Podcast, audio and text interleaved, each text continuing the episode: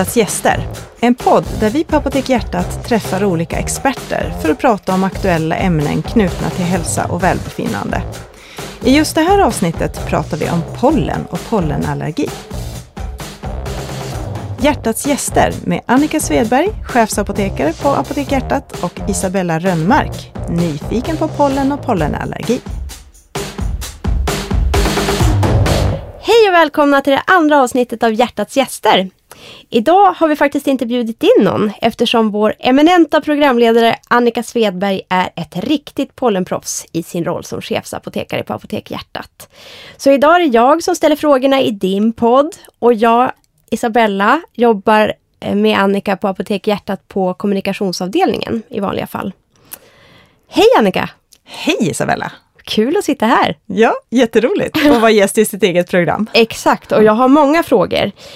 Den första frågan som jag tänkte ställa till dig, det är hur vet man om det är pollenallergi eller om det är en vanlig förkylning man har drabbats av?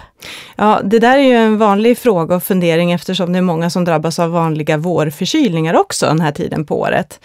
Eh, och man kan väl säga att de viktigaste skillnaderna mellan förkylning och pollenallergi är att vid en vanlig förkylning så, så blir du ofta snuvig, du har ont i halsen, det kanske går över i feber också. Men eh, när du har pollen så får du inte feber och snuvan du drabbas av, det är en rinnsnuva för det mesta. Den går inte över i den där tjocka tjockare snuvan som kan ha alla möjliga trevliga färger Ja, också.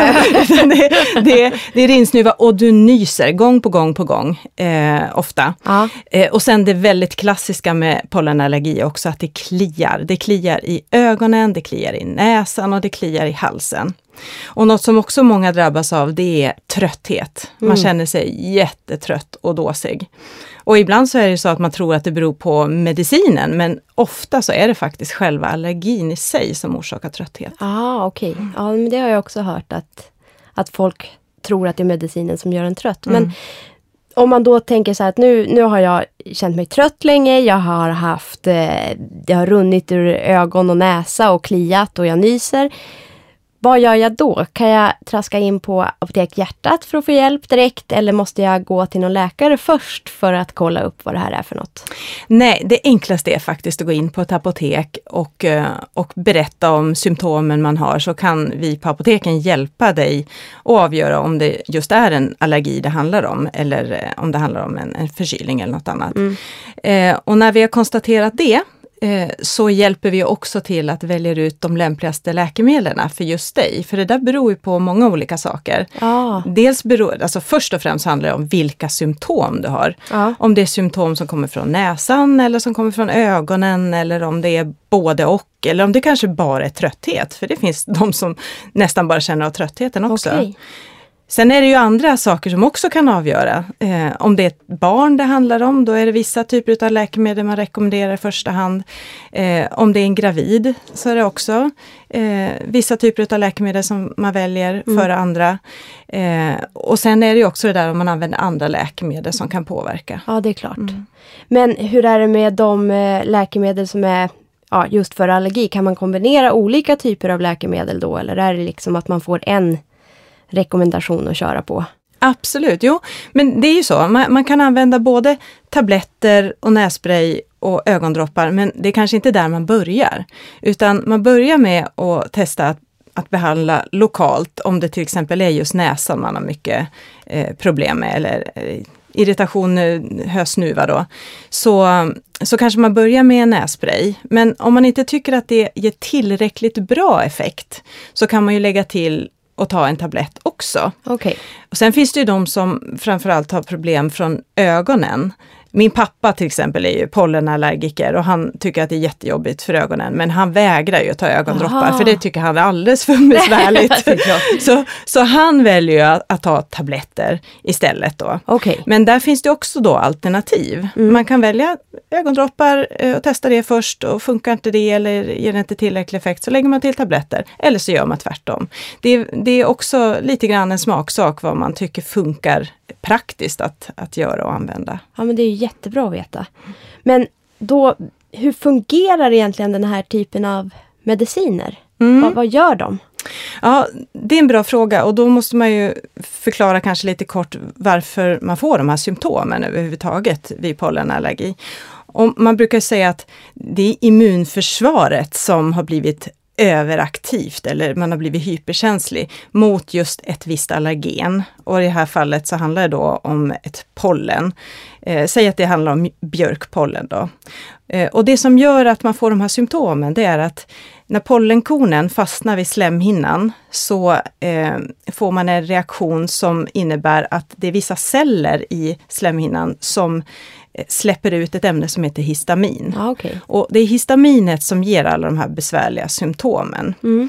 Och eh, då finns det då olika läkemedel som funkar på olika sätt för att motverka det här. Och det finns en typ av läkemedel som kallas för kromoglikat, Aha. som stärker upp cellernas skal Aha. så att cellerna inte släpper ut histaminet överhuvudtaget. Och då säger det sig självt att just de preparaten är viktigt att börja med i tid. Eh, för de, det tar ju lite tid innan de får full effekt Ja, av ja, ja. stärkt skalet. Och det är de här kromoglikat läkemedlen som eh, man också brukar se heta Lomeral. Men många gånger, det finns Lectrolyn också, heter det vissa. Ehm, sen finns det också då det som man kallar för antihistaminer. Ja. Och de fungerar genom att hindra histamin som redan är frisatt då, att ge den här effekten. Eh, som in, innebär eh, snuvan och klådan och så vidare. Och sen så finns det också kortison som är bra eh, om man har fått väldigt svullna slemhinnor i näsan, vilket många dras med, att man känner att man är ständigt täppt att det är väldigt svullet. Då eh, är det jättebra med kortisonspray. Okej, ja men vad bra. Mm. Då vet jag lite mer om det också. Ja. Eh, men sen, då har man gått till ett apotek och man kanske har testat olika medicineringar. Men det hjälper inte. Är det dags att gå till en läkare då eller Ja, fortsätter man testa? nej, precis. Och om du har fått hjälp på apoteket och, och välja ut de preparaten som kan vara lämpade för dig, så, så ska du ju verkligen känna att du har fått hjälp, eh, att du har blivit bättre i din allergi efter en vecka. Om, du, okej. in- om du inte har det, så är det nog läge att, eh, att vända dig till en läkare för att se om det är, om det är så att eh, det handlar om någonting annat än just pollenallergi. Mm. Eh, sen så finns det andra tillfällen när man också ska välja att vända sig till sjukvård, läkare. Ja, Okej. Och det kan vara till exempel om du har symptom bara från ett öga. Aha, Då handlar det antagligen inte om pollenallergi, utan då handlar det om en infektion med största sannolikhet. okej. Eh, och sen har vi eh, andra situationer eh, också när man ska välja att vända sig till läkare i första hand och det är när ganska små barn drabbas, för då är det bra ändå att eh, eh, att eh, ha konstaterat att det är pollenallergi Mm. och fått hjälp med att välja preparat. Då. Eh, de flesta läkemedel som vi har som är receptfria går att använda på små barn, så vi kan ju också hjälpa till där. Men om det inte hjälper, för då handlar det om eh, de här eh, kromoglikatpreparaten. Ja. Och om man inte känner att det hjälper, då är det, och barnet är under sex år, då har vi inte så mycket mer att erbjuda eh, utan att man har varit i kontakt med läkare. Ja, Jag förstår. Mm. Men hur, hur gammal kan man vara när man får pollenallergi för första gången? Ja, alltså väldigt få barn drabbas före femårsåldern. Jag tror att det är runt 4% av fyraåringar Ja, har pollenallergi. För det krävs nämligen att man har varit utsatt för ganska höga pollennivåer, eh, alltså pollensäsonger, Jaha. mer än två, tre gånger innan man har utvecklat allergin. Så man får inte första gången man, det, det gäller även de som kommer eh, till Sverige och bott i andra länder och inte har utsatts för till exempel björkpollen. De, de utvecklar kanske också en björkpollenallergi efter ett par år här, men inte på en gång. Nej, nej, nej. Varför är det så? Ja, det, man brukar prata om att det är som en, en bägare som rinner över. Man, det, här, den här, eh, det här överaktiva immunförsvaret Ja. eh, tål liksom det här allergenet till en viss gräns. Men sen så när, när, eh, när bägaren rinner över, det, det är då man börjar känna av Känna av symptom. Och, Eh, Ja, förlåt, vad sa du? Ja, nej, men det finns ett annat tillfälle också när man faktiskt ska vända sig till sjukvården. Ja, Eh, och det är om man får problem med luftrören, alltså får svårt att andas Ja. eller får sån här eh, jobbig hosta. Eh, för då behöver man oftast någon inhalator också. Och det finns inte receptfritt, eh, fritt, utan det måste man ju få på recept. Då. och det, det, att det kan vara liksom en följd av pollenallergin, att man får svårt att andas på det sättet också. Precis, vissa känner egentligen bara av astmatik, astmatiska besvär under pollensäsongen. Sen finns det ju de som redan är astmatiker och som blir mycket värre i sin astma Ja. under den här säsongen också. Finns det andra sjukdomar eller tillstånd som kan bli värre av pollen? Eh, ja, alltså det mesta handlar ju om, om allergier då. Ja. Att allergier generellt kan bli värre. Mm. Eh, det finns ju också något som kallas för korsallergi. Eh, och det handlar om att eh, om du är allergisk mot en viss typ av pollensort Mm. så reagerar du också mot vissa livsmedel som är, har då liknande eh, allergen i sig. Som, eh, det vanligaste, vanligaste korsallergin det handlar om björkpollen och att man då också är allergisk eh, och reagerar på stenfrukter och nötter. Stenfrukter det är alltså äpplen, plommon, persikor, körsbär.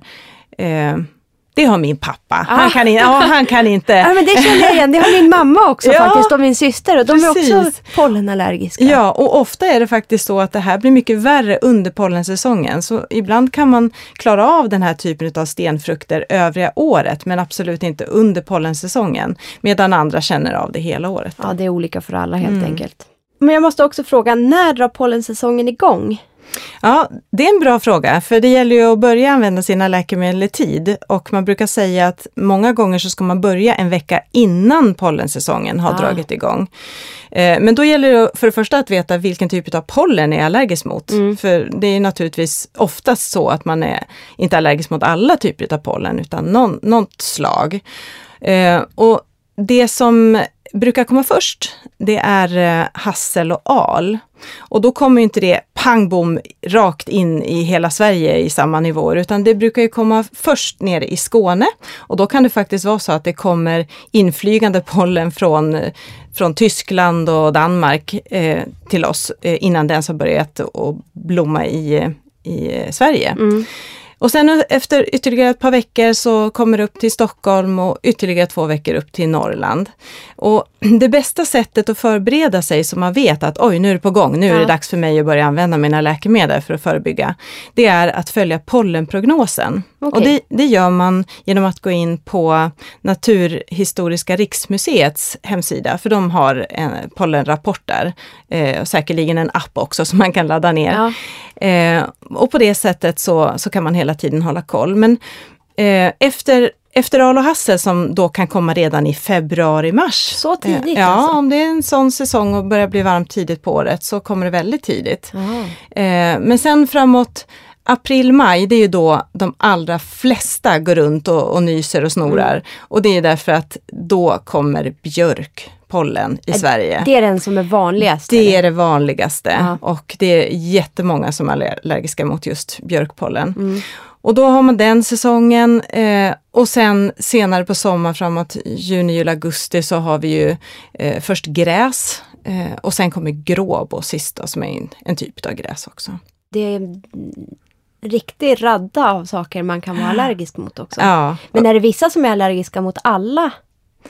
Ja, det finns säkert någon stackare som, har- som har råkat bli allergisk, allergisk mot allt, men det är inte ovanligt att man är allergisk mot flera olika pollen, det är det inte. Men det vanligaste är ändå att det är en, ett slag Ett som man slag. reagerar på. Men du sa innan också att man måste börja en vecka innan att ta sina mediciner. Mm. Och då kommer jag att tänka på det här, visst kan man även vaccinera sig, eller inte vaccinera sig, men ta så här förebyggande sprutor Mm. för pollenallergi. Hur, Ja, det är en, en typ av vaccination kan man säga, där man under väldigt lång tid, för här håller man på och injicerar ofta under flera års tid innan man har eh, vant sitt immunförsvar kan man väl säga vid, vid eh, en viss typ av pollen så att man sen inte reagerar Okej. på det. Och det gör man ju inom sjukvården så det kan man inte göra, själv. apotek, nej. Men jag, jag måste fråga en grej också. Jag har en kompis som är jätteallergisk. Och jag vet att hon tar avsvällande nässpray mot nästäppan. Är det bra? Ja, förutsatt att du när du säger avsvällande menar kortisonspray. Mm. För man ska ju naturligtvis inte ta sådana här som man använder när man är förkyld, alltså Neseril och Trevin och den typen av avsvällande. Eh, utan det man använder när man är pollenallergisk, det är, det finns tre olika typer utav nässprayer kan man säga. Det är mm. dels eh, de som innehåller det här eh, kromoglikat mm. eh, och så finns det de som innehåller antihistamin och sen så finns det också då eh, kortisonsprayer. Och kortisonsprayerna, det är kanske inte är det man börjar med, utan man börjar med någon av de två andra. Men om man har väldiga problem, det inte räcker med de andra sprayerna, och om man dessutom har eh, en nästäppa, så alltså man känner sig svullen, då är det väldigt bra med just eh, kortisonsprayerna och det ger effekt bara efter några timmar men full effekt får man inte förrän man har använt den någon vecka. Så även där är det ju bra att börja i tid. Ja, mm. Klokt. Men om man har linser då och vill ta ögondroppar, hur funkar det? Mm. Eh, ja, vi är ju många som har linser, jag också. Ja. och eh, det som kan vara bra att tänka på då, det är att du kan inte använda några eh, linser under, alltså när du är irriterad i ögonen så är det inte bra att ha linser.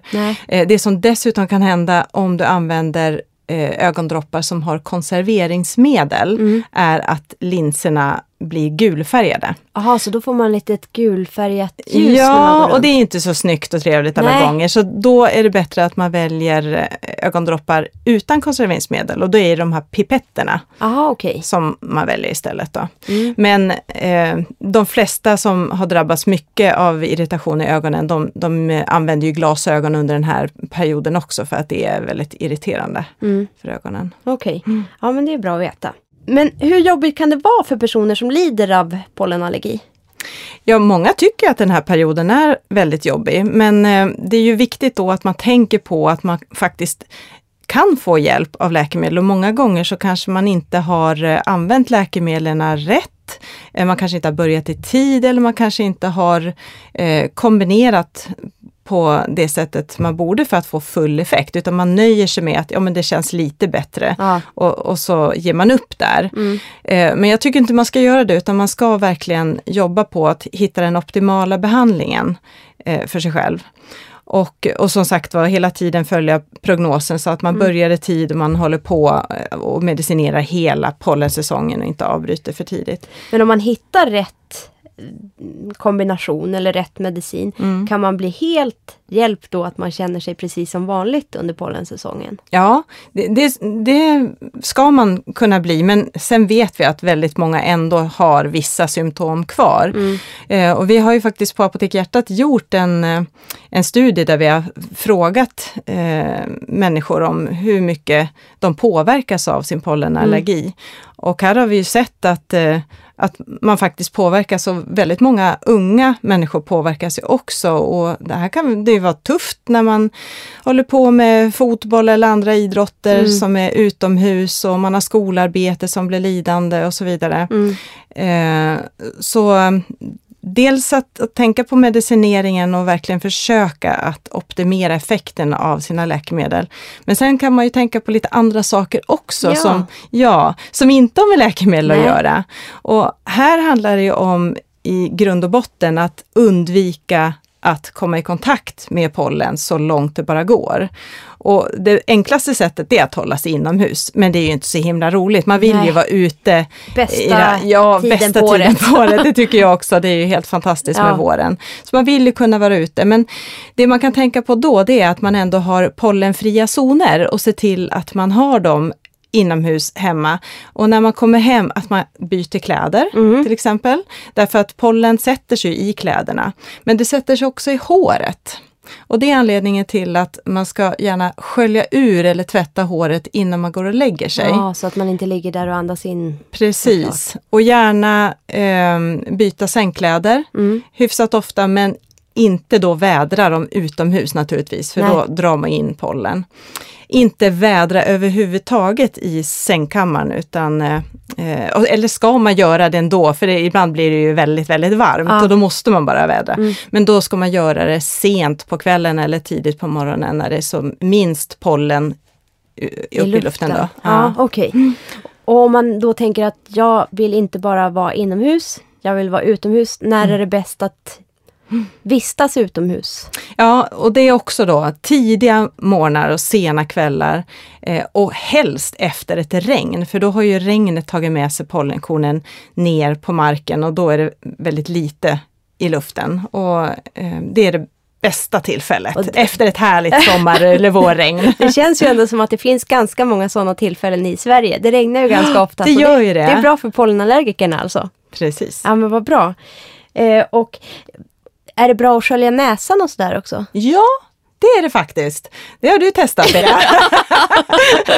ja, nej men skölja näsan det är det många som tycker också är bra. Det är naturligtvis också för att skölja bort pollenkorn som har mm. satt sig på näslemhinnan. Kan man skölja med vanligt vatten då eller vad? Det bästa är att skölja med saltvatten, alltså mm. isoton saltlösning som, som finns att köpa på alla apotek och det finns olika varianter. Det finns i, i pipetter och det finns nässköljare eh, som man kan köpa och där man blandar till det här eh, saltvattnet vattnet själv enligt recept. Ja, mm. Vad bra. Så då om man ändå vill träna och sådär, då är det just på, på kvällen eller morgonen man bör passa på att göra det eller inomhus. Ja, alldeles riktigt. Ja. Och det, jag undrar bara det här med, vi pratade lite om det i början med barn och medicin och sådär. Är det mm. farligt för barn att äta antihistamin? Nej, på, utan recept så finns det mm, antihistamintabletter att köpa för barn från 6 år och uppåt och då ska man också väga ungefär 30 kilo. Ja. Eh, men väger man under 30 kilo under 6 år så ska man vända sig till läkare först. Och det finns barn som, som får antihistaminer också, som, eh, där det inte funkar med andra läkemedel. Men man brukar oftast sikta in sig på eh, kromoglikatpreparaten till småbarn. småbarn. Som ger minst biverkningar av alla olika läkemedel. Och vad är de vanligaste biverkningarna på läkemedel? Ja, när det gäller antihistaminerna mm. så är det ju en del som blir dåsiga och trötta mm. av dem, men som sagt absolut inte alla. Och många som känner sig dåsiga, de är det på grund av allergin. Mm. Sen finns det också en del som får, får ont i huvudet eh, och det förekommer också relativt eh, ofta faktiskt att man blir torr i munnen. Jaha. Och eh, om man eh, känner av det, eh, att man blir muntorr och speciellt om man också tar de här läkemedlen under en hel säsong, så kan det vara väldigt viktigt att tänka på munhygienen under den här perioden. För det är ju lättare att man utvecklar karies, hål i tänderna, ah. om man är torr i munnen. Så att det kan vara bra att då använda lite fluortabletter och tänka på att inte småäta så mycket mellan måltider och så. Det är bra att veta. Mm. Kan man ta sådana här tabletter, salivtabletter tabletter också. Salivstimulerande, precis, ja. kan man också göra. Också jättebra, bara man inte suger på sockertabletter. Nej. det är inte så bra. Nej, det är inte så bra. Nej. Nej men vad, vad spännande. Kan man bli pollenallergiker på senare år, alltså när man är vuxen? Mm. Eller när, när det bryter ut? Ja, nej men det där är faktiskt väldigt olika. De flesta blir ju pollenallergiker i eh, unga år, inte när man kanske är barn, men no någon gång sådär eh, mellan 10 och 20 mm. årsåldern, så bryter ut. Um, men det finns de som blir pollenallergiker i vuxen ålder också. Och ibland handlar det om att man utsätts för en ny typ av pollen om man byter land mm. till exempel. Då kan man ha varit allergisk mot någon typ av pollen i, i sitt hemland och så kommer man till Sverige, om man nu flyttar hit, mm. och utvecklar en allergi mot någon, någon typ av pollen som vi har här. Okej, okay. men kan det försvinna också? Ja, faktiskt så brukar det vara så att eh, en besvärlig pollenallergi brukar bli mildare med åren. Så många av de äldre de har eh, inte längre lika besvärliga problem med sin allergi. Det var positivt att höra. Ja. Och som en liten slutkläm då, vad är det viktigaste som man ska ta med sig efter det här? Det viktigaste skulle jag säga att eh, man följer pollenprognosen så att man vet i god tid när det är dags att börja med sina mediciner. Mm. Och det vill säga alltså någon vecka innan det slår till. Mm. Och att man verkligen hittar rätt eh, medicinering för det som passar just mig och, mm. och, min typ av besvär. Och det gör man ju bäst genom att prata med medarbetarna på apoteken när man eh, kommer för att, att, att få hjälp. Mm. Se till att använda deras kunskap, för de kan jätte jättemycket om pollenallergi. Mm. Så får ni bra hjälp att hitta rätt läkemedel. Och sen kan man gå in på apotekhjärtat.se också. Ja, det kan man göra. Där finns det också jättebra information Mm, att läsa. Mm. Så kan man hitta till rätt apotek. Ja. Perfekt. Tack snälla Annika för att jag fick ställa de här pollenfrågorna till dig. Nu känner jag mig mycket klokare. ja, bra. Och det var kul att få gästa ditt program som programledare. Ja, det var kul att få gästa mitt program också tycker jag. Vi ses! Vi ses.